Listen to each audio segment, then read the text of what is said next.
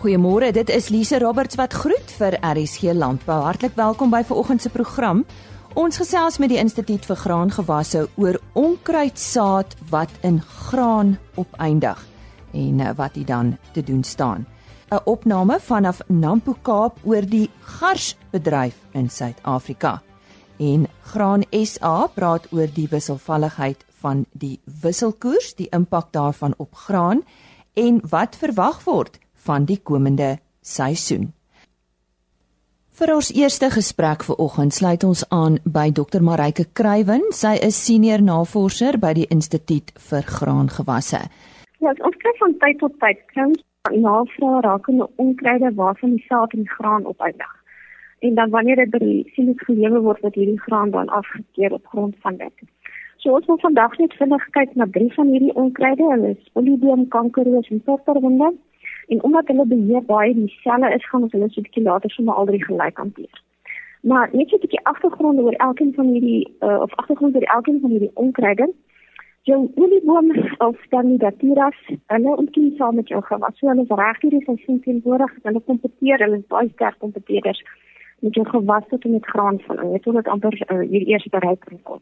Nou hierdie hele plant is giftig, maar veral sy saad. So dit is hoekom wanneer jy lewer mag dan nie meer as een van hierdie datura staatjies per kilogram hierdie saad teenwoordig wees nie. En om julle dan nou 'n idee te gee, die saad van een plantjie is genoegsaam om die daai land se hele graan ehm um, lewering af te laat afkeer.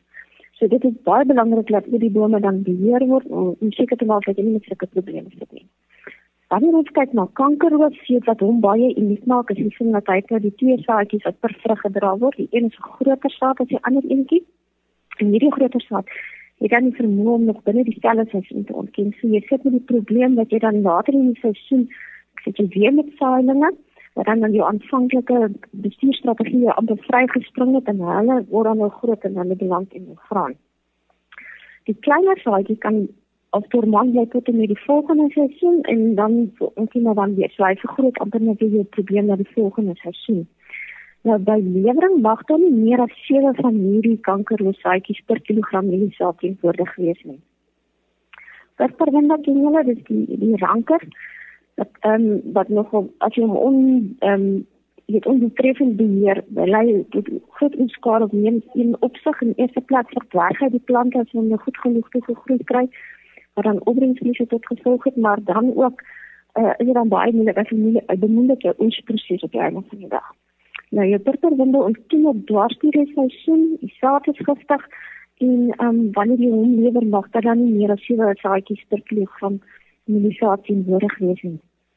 Goed, so wanneer ons dan nou kyk na die beheer van hierdie en kry dit baie belangrik dat jy ouers besef dat jy kan nie net um, op jou geen staat maak nie daar moet 'n kombinasie van verskillende beheerstrategieë toegepas word om hierdie onkruide te beheer omdat hulle so al dwarslirie seisoen ontkiem en dit nodig is. So as ons nou kyk na die chemiese komponente, die kruisvoorkomsteders, maar jy kundiges is dit maar wat jy eintlik beter effektiewe beheer kry met jou nakomstbeheer, jou nakomsteders en beheerstrategieë wat jy na opkoms toepas. So as ons nou kyk na jou nakomsteders, paar dinge wat ek baie produsente reeds weet, maar wat ek maar weer moet sê is in die eerste plek is dit maar belangrik dat jy jou onkruidkoor identifiseer voordat jy goed spuit. En jy kry vier verskillende oliebome. Um, dit as ek as ek sê jy moet net maar seker maak dat die produk wat jy spuit is geregistreer vir daai um, onkruid. En verder is baie meer of krities. En mens moet maar die etikette goed deurgaan seker maak jy sien die korrekte bymiddels by, want dit help om die penetrasie van daai produk te verbeter maar dan op die, op die einde van die dag veel beter effektiwiteit gee. Wat produsente ook weet, is dat jy met dit op korrekte tyd doen. Ehm um, jy wil maar eintlik so lank as moontlik gewoonlik wag, laat nie so baie keer dis spuit deur die seisoen nie. Maar jy kan net hierdie produkte of van die produkte gaan net effektief werk wanneer jy onkruid is in klein ses jaar stadium is. So wanneer jy na hierdie blaarstadia spuit, gaan jy nie effektief op die heer kry nie en jy gaan maar resultaat in jou in jou graan opeindig. Dan moet produsente wat onvriendelik sukkel met hierdie drie onkruide dan ook ernstige oorweging skenk om wisselwater te toepas. Die wisselwater toepas kry net soveel meer toegang tot, tot verskillende soorte onkruide en verskillende aktiewe En dit gaan nou ook veel help om hierdie probleem van onkruide van hierdie onkruide oor tyd op te los. Dan 'n alternatiewe of tradisionele beheerstrategie is 'n meganiese beheer wat nou almal ook maar weer ken, dit is jou vlakke werking nadat jy onkruid opgekom het. En dan die derde een waarna produsente dan kan kyk, is die vestiging van 'n blaredak, die beginsel van 'n blaredak. Nou hierdie onkruide ehm um, hou niks van oorskading nie. Dit sit hulle terug, dit maak moeilik die ontkieming en die groei. Daarom kan produsente probeer om hierdie blaredakke so gou as moontlik te vestig. Nou dit kan 'n ou dan nou doen die die tipe gewas wat jy kies, jy te kyk na nou rywytes en dan ook te speel met jou plandatums. Ehm um, nou aan die plandatums is die idee hoe vroeër jy kan jou gewas gevestig kry mits die vog en ehm um, die jy die temperature dit toelaat. Hoe gouer gaan jy reg gewas kry hoe gouer gaan 'n blare dak vorm en hoe gouer gaan hy die onkruid op die en en groei dan ondertrek. Dan laastens as jy nou aan die einde van die seisoen kom en jy sit met hierdie saad in jou grond, ehm um, jy word almal veel in die moontlik dat jy dit ook self kan weer skoonmaak of sif. Want as jy dit na die sien vat, is daar 'n heffing wat gegee of wat dat jy moet betaal per ton en dit is en dan is hier 'n omgewing van 100 rand per ton. So ja, dan later is ja, produsente is baie welkom om ons met enige verdere vrae te kontak uh, by die Landbou Navorsingsraad in Potchefstroom. Ons kontaknommer is 018 299 6100. Die stem daarvan Dr Marike Kruiven, senior navorser by die Instituut vir Graangewasse en ons herhaal net daardie telefoonnommer op Potchefstroom, dis 018 299 6100 en sy het vanoggend vertel van 'n onkruid saad wat dikwels in mielies opeindig en sy het ook raad gegee daaroor. Karen Venter het vanjaar by Nampo Kaap met Josh Haman van AB InBev of soos ons hulle beter ken as SAB en ook 'n boer gesels oor die garsbedryf. Hallo luisteraars, dit is vandag die tweede dag van die Kaap Nampo hier op Bredasdorp. Ehm um, lekker koud en winderig. En ons het nou na nasie 'n gesprek geluister en dit was vandag oor die garsbedryf en die toekoms daarvan in Suid-Afrika. Ek gesels 'n bietjie met Jos Hamman. Hy was een van die paneellede gewees en ehm um, vertel 'n bietjie vir ons hoe dit gegaan. Uh, Goeiemôre en baie dankie vir die geleentheid. Ja, ek dink dit was uh goed vandag vir ons om om met die produsente te kan gesels asook aan alle rolspelers in die garsbedryf oor oor waar ons as 'n biermaatskappy heen gaan. So ek verteenwoordig Suid-Afrikaanse brouerye wat nou deel is van AB InBev globaal en Ek dink die die grootste boodskap wat vandag deurgekom het is dat ons is toegewyd aan die garsbedryf in Suid-Afrika. Uh ons het al die die belange en en die risiko's verstaan van produsente sowel as van uh opgaarders se standpunt af en ek dink uh, 'n goeie stap in die regte rigting vir ons om meer gesprekke met mekaar te voer en te verseker dat die garsbedryf volhoubaar in Suid-Afrika kan voortgaan.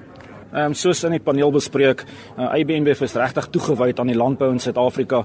Uh ons sien 'n uh, vooruitgang in die garsbedryf met 475 000 ton wat ons graag wil produseer teen 2021 om Suid-Afrika selfvoorsienend te maak in die produksie van gars.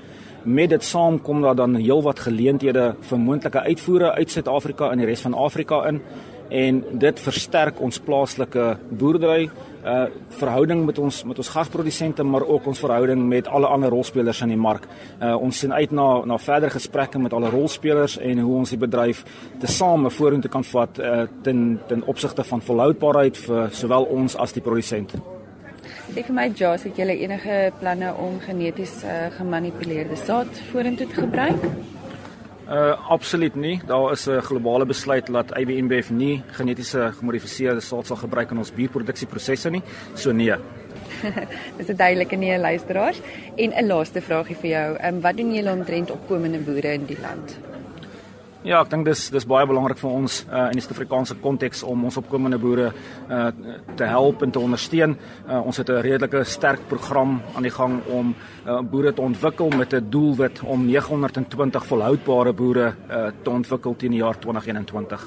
Ja, as enige met met ons wil kontak kom en weer te verstaan oor ons programme en veral oor ons opkomende boerprogramme, ek uh, is hulle baie welkom om ons te kontak. Uh, ons webtuiste is sab.com, www.sab.com. Ehm uh, gaan daarin en al die besonderhede om met ons in aanraking te kom sal op die webtuiste wees. Baie dankie luisteraars en groete vanaf Nampo Kaap. Karen Venter daar in gesprek met uh, Josh Haman van uh, eh, SAB en nou gesels sy met 'n produsent. Luisteraars, ek kuier nou met Gert Klasen en hy was ook vandag by gesprek met die nasie en dit was oor die garsbedryf. Hy is 'n boer in die Swartland en um, ek gee dit nou vir hom sodat hy 'n bietjie daaroor kan uitbrei. Uh goeiemôre Karen, luisteraars. Ja baie dankie vir die geleentheid van ons vanoggend hier by Nampo Kaap. Um ons het deelgeneem aan die nasie in gesprek rondom die garsbedryf en volhoubaarheid daarvan en ook die toekoms wat ons daai sien. Um interessante gesprek uh, wat duidelik na vore uitgekom het was die verhouding tussen IBN en sy produsente. Uh na die oorneem van IBN van SAB was daar maar 'n paar gevoelens gewees en uh, baie van die boere het onseker gevoel. Um en die pad vorentoe vir die garsbedryf en die produksie daarvan het maar 'n paar ehm um, uh hekkies in die pad vir ons gelos in die toestand waarin ons nou is. So vandag was dit baie duidelik geweest dat daar die boere baie passievol is, veral die Suid-Kaap boere wat al baie jare kom en verhoudings al opgebou het met SAB en nou amper half er nie moet kyk na IBM se benadering.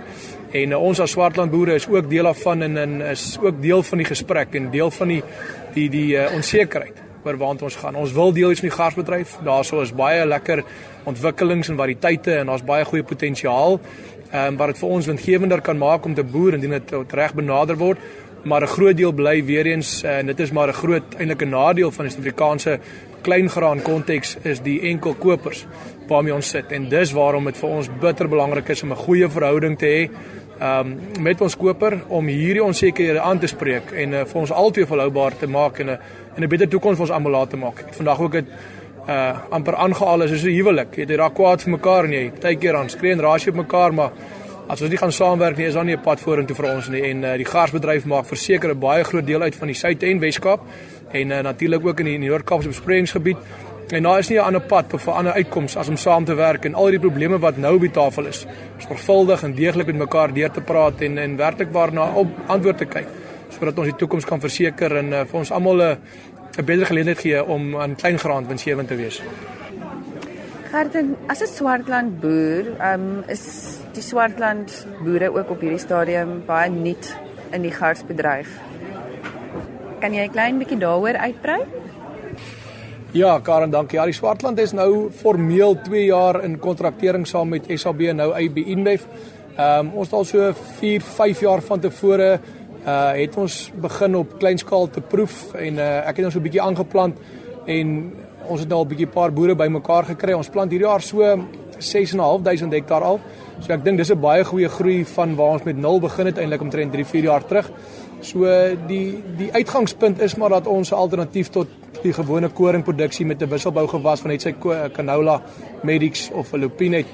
En uh, ons het ons het eintlik maar smag is nou 'n baie sterk woord, maar wat ons gesmag het na 'n alternatief tot die die sporende effek wat koring op ons het en gaars het altyd vir ons na 'n uh, 'n goeie antwoord gelyk veral met die vir, vir, die opbouing en die in die in die van die die kultivars, die nuwe kultivars wat opbrengspotensiaal vir ons daar gestel het.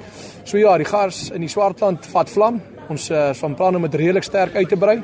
Mis natuurlik hierdie onsekere korrek aangespreek word en ons opgewonde daaroor en ons sien 'n groot uh, potensiaal in.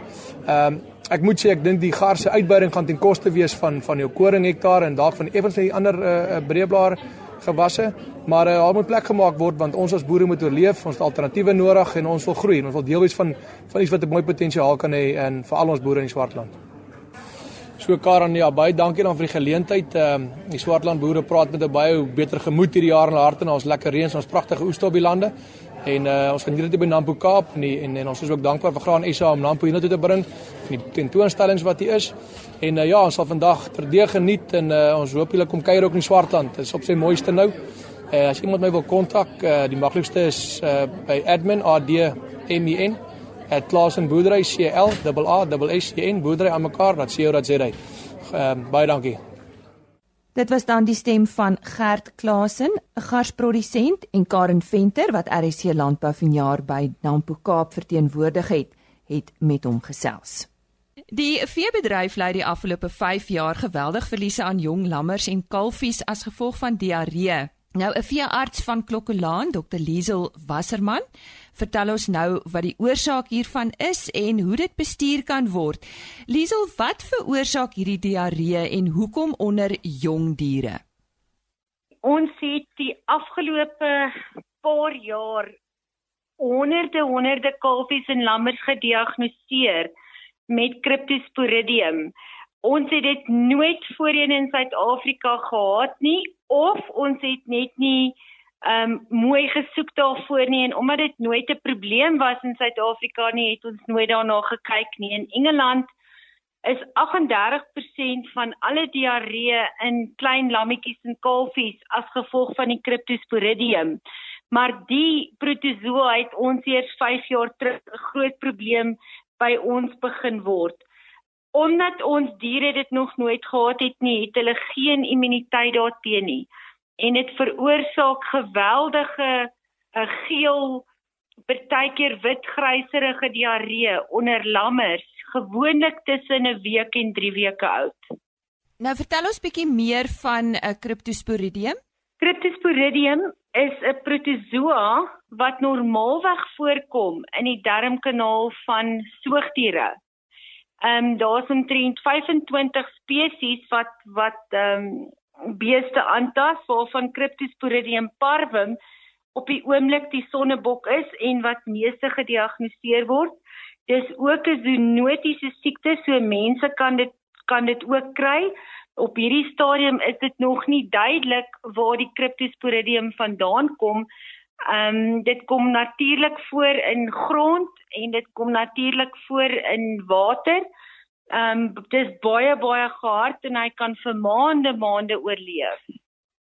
So die klein lammetjies en die klein kalfies neem dit in deur die mond.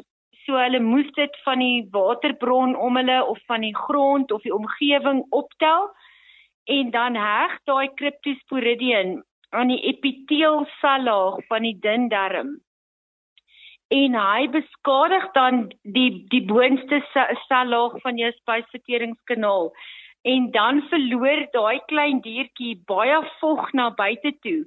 En dit gee ook dan 'n vasdra plek vir ander organismes soos uh, bakterieë en ons sukkel veral met E. coli wat dan die dier binnendring. En omdat dit nog 'n jong diertjie is en sy immuunstelsel is nog nie volwasse nie Ehm um, die dreer daai diere verskriklik vinnig. Hulle het 'n hoë koors van bo 40. Ehm um, en as jy nie baie baie moeite doen nie, dan vrek hulle binne 'n paar dae. So die heel belangrikste ding is om jou siek diere te skei van jou gesonde diere onmiddellik omdat dit so aansteeklik is. Hoe sal 'n boer weet wat die oorsaak is van hierdie dier se diarree? Die enigste manier om 'n positiewe diagnose te maak is om 3 of 4 of 10 lammers of kalvers wat wel die diarree het na jou veearts te vat. Ons kan 'n swab vat van die rektum, maar omdat hy natuurlik daar voorkom, is dit nie te sê dat dit die organisme is wat daai dier siek maak nie. So gewoonlik verkies ons 'n die dier wat in die afgelope dag ehm um, oorlede is. Ons doen dan 'n volledige postmortem. Ons neem van die dun darm op verskeie plekke uh, weefselsampels, sit dit in formalien, stuur dit vir die laboratorium. Hulle doen dan 'n histopatologie skyfie en diagnoseer dit dan so. Hoe belangrik is uh, biosekuriteit in hierdie geval, Liesel? Omdat behandeling nie baie suksesvol is nie, is biosekuriteit die heel belangrikste ding om te doen. Ehm um, daar is geen behandeling geregistreer in Suid-Afrika vir Cryptosporidium nie.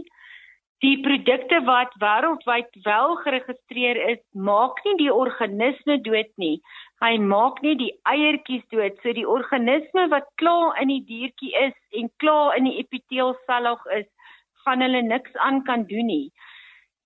So jy kan wel antibiotika gee vir die sekondêre bakterieële infeksie wat meeste van die tyd E. coli is, maar aan die Cryptosporidium kan jy self niks doen nie. So as jy nie jou omgewing ontsmet, jou lamhokkies ontsmet met 'n produk wat ehm um, wat vatbaar is vir Cryptosporidium nie, dan veg jy 'n verlore stryd.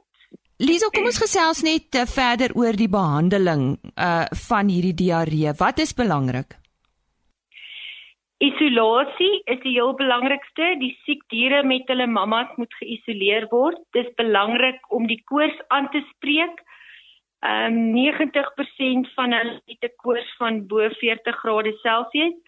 Die dehydrasie moet aangespreek word. Is belangrik om selenium te spuit. Jy kan mikroflora uh bygee, uh vitamiene, minerale, ehm um, melkserogaat, poeiermelkserogaat, ehm um, en antibiotika nadat 'n veearts uh, bevestig het met 'n antibiogram watter antibiotika gaan werk vir jou sekondêre bakterieële infeksie. Kom ons gesels oor die mens, is dit aansteeklik vir mense? Ja, dit is aansteeklik vir mense, maar mense kan dit vir diere ook gee. So as ons nie ons riool mooi behandel nie of ons personeel op ons plase het nie goeie fasiliteite nie, kan ons self verantwoordelik wees um deur dit te versprei omdat dit normaalweg in ons spysverteringsstelsels ook voorkom. Liesel net om af te sluit dalk net 'n uh, 'n uh, raad van jou kant af uh, vir boere om dalk voorkomend op te tree. Wat net om saam te vat, wat is die beste? Ek gaan net vir jou byvoeg ook mm, van my kliënte wat 5 jaar terug, 6 jaar terug begin het met diarree Ons het groot verliese gely, maar ons het wel baie lammers en kalvers deurgetrek. Wat vir my positief is van hierdie hele Cryptosporidium E. coli sindroom is die feit dat die boere wat 4, 5 jaar terug begin het, al hoe minder diarree het onder hulle jong diere en dat die diere wat deesdae siek word, wel diarree het, maar nie so ernstig soos 4, 5 jaar terug nie. So dit is vir my baie positief om vir boere te sê moenie ophou skaapboere nie, moenie ophou ehm um, vleisbees boer nie. Dis asof die diere begin immuniteit ophou en elke jaar is daar minder verliese by die boere wat ehm um, 5 jaar terug begin het. Ehm um, 2 of 3% van die kalfies raak siek waar ons in die verlede 30% gehad het waarvan 90% dood is.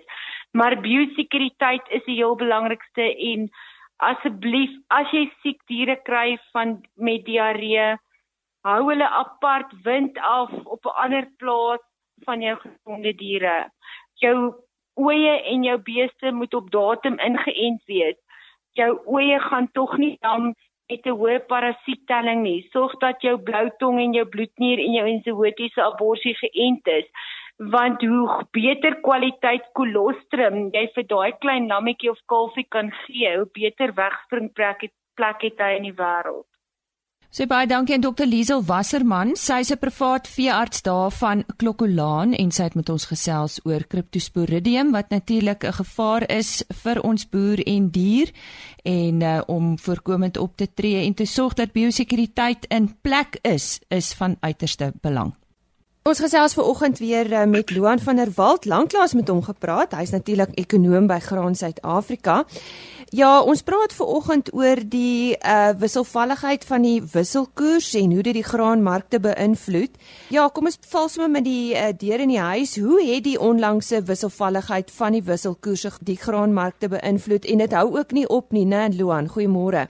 Goeiemôre Lise. Ja nee, kyk, as ons nou kyk na wat die afgelope 2 maande in die ekonomiese front gebeur het en die onsekerheid daar en die impak van wat die wisselkoers op die graanmarkte gehad het, het ons nogal gesien dit het 'n 'n redelike groot impak gemaak van die wisselkoers wat so wisselvallig was en die groot prysbewegings wat op die markte gesien was, kon jy nou duidelik daardeur sien hoe dit gelyk het. Nou om net so dit vinnig bietjie in perspektief te plaas, as ons kyk na die die wisselkoers spesifiek dan nou die impak wat dit het, het op 'n pariteitsprys ten minste van dit is mos nou maar die pryse wat nou weer ons graanpryse plaaslik ook tot 'n mate beïnvloed. So as jy kyk en jy maak so vinnige teoretiese berekeninge en jy kyk net na die impak van die wisselkoers, so as jy al die ander faktore konstant hou en jy verander net die wisselkoers, het elke 1 sent verandering in die wisselkoers omtrent so plus minus 'n R1.75 verandering in die pariteitsprys wat dit na vore bring.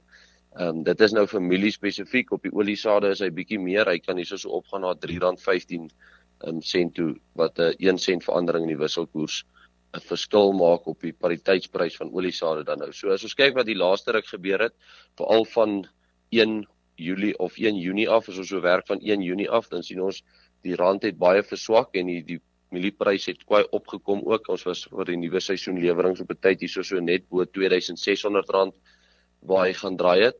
En nou sien ons weer dat die rand die laaste paar dae of die laaste 2 dae weer goed versterk het en nou weer selfs onder die R15 'n dollar is en dit het nou weer 'n groot afwaartse prysdruk op die mark geplaas. So die wisselkoers wat maar wisselvallig bly, hy hou die markte wisselvallig. Ehm um, en ek dink dit is dan nou ook goeie geleenthede wat die markte nou skep wat produsente kan gebruik met die wisselvalligheid van die van die wisselkoers. So hoe lyk die verwagtinge vir die komende seisoen, Loan? Dis ek dink as ons na die komende seisoen kyk, is dit maar bietjie van 'n tweeledige aspek waarna ons moet kyk. Die een is maar die internasionale mark en dan die plaaslike mark. So as ons kyk na die internasionale mark so vinnig oor die algemeen van van somergrane en ons kyk na die mielies internasionaal is Amerika begin nou te stroop en hulle gaan hierdie seisoen weer 'n goeie opbrengs hê. Hulle gaan omtrent 'n rekord opbrengs hê. Hulle oes gaan baie naby aan 'n rekord wees. Hulle nuutste skatting is so 376 miljoen ton. Hulle vorige rekord was so 384 miljoen ton. So hulle is so 'n bietjie van die rekord af, maar dit is vir hulle 'n bo-gemiddelde oes wat hulle hierdie seisoen gaan hê. En dan in Suid-Amerika, Argentinië, Brasil, daar behoort die aanplantings ook redelik goed te vorder en die mielies behoort meer te wees as wat hulle die vorige seisoen gestroop het. So in die internasionale konteks behoort daar genoeg te wees in terme van van mielies. As ons kyk na die oliesade internasionaal, dan behoort Amerika ook 'n nuwe rekord oes te hê, Brasil behoort 'n nuwe rekord oes te hê. Ehm um, so daar's groot voorraadvlakke Argentinië se oes behoort heelwat op te wees. Hulle het nou baie die jaar gesukkel met die droogte. Dit lyk tog of die omstandighede vir hulle die komende seisoen bietjie beter gaan wees. As ons dit bietjie nader bring na die huis toe en ons kyk hier in die plaaslike omgewing, ehm um, plaaslik is daar baie onsekerhede. Ons het gesien hoe die pryse nou selfs die laaste maand of twee gereageer het en dit is maar hoofsaaklik van eksterne makro-ekonomiese faktore gewees. Pryse wat bietjie hoër was, daar is bietjie van 'n ondersteuning in die in die plaaslike mark ook, maar hierdie baie onsekerhede.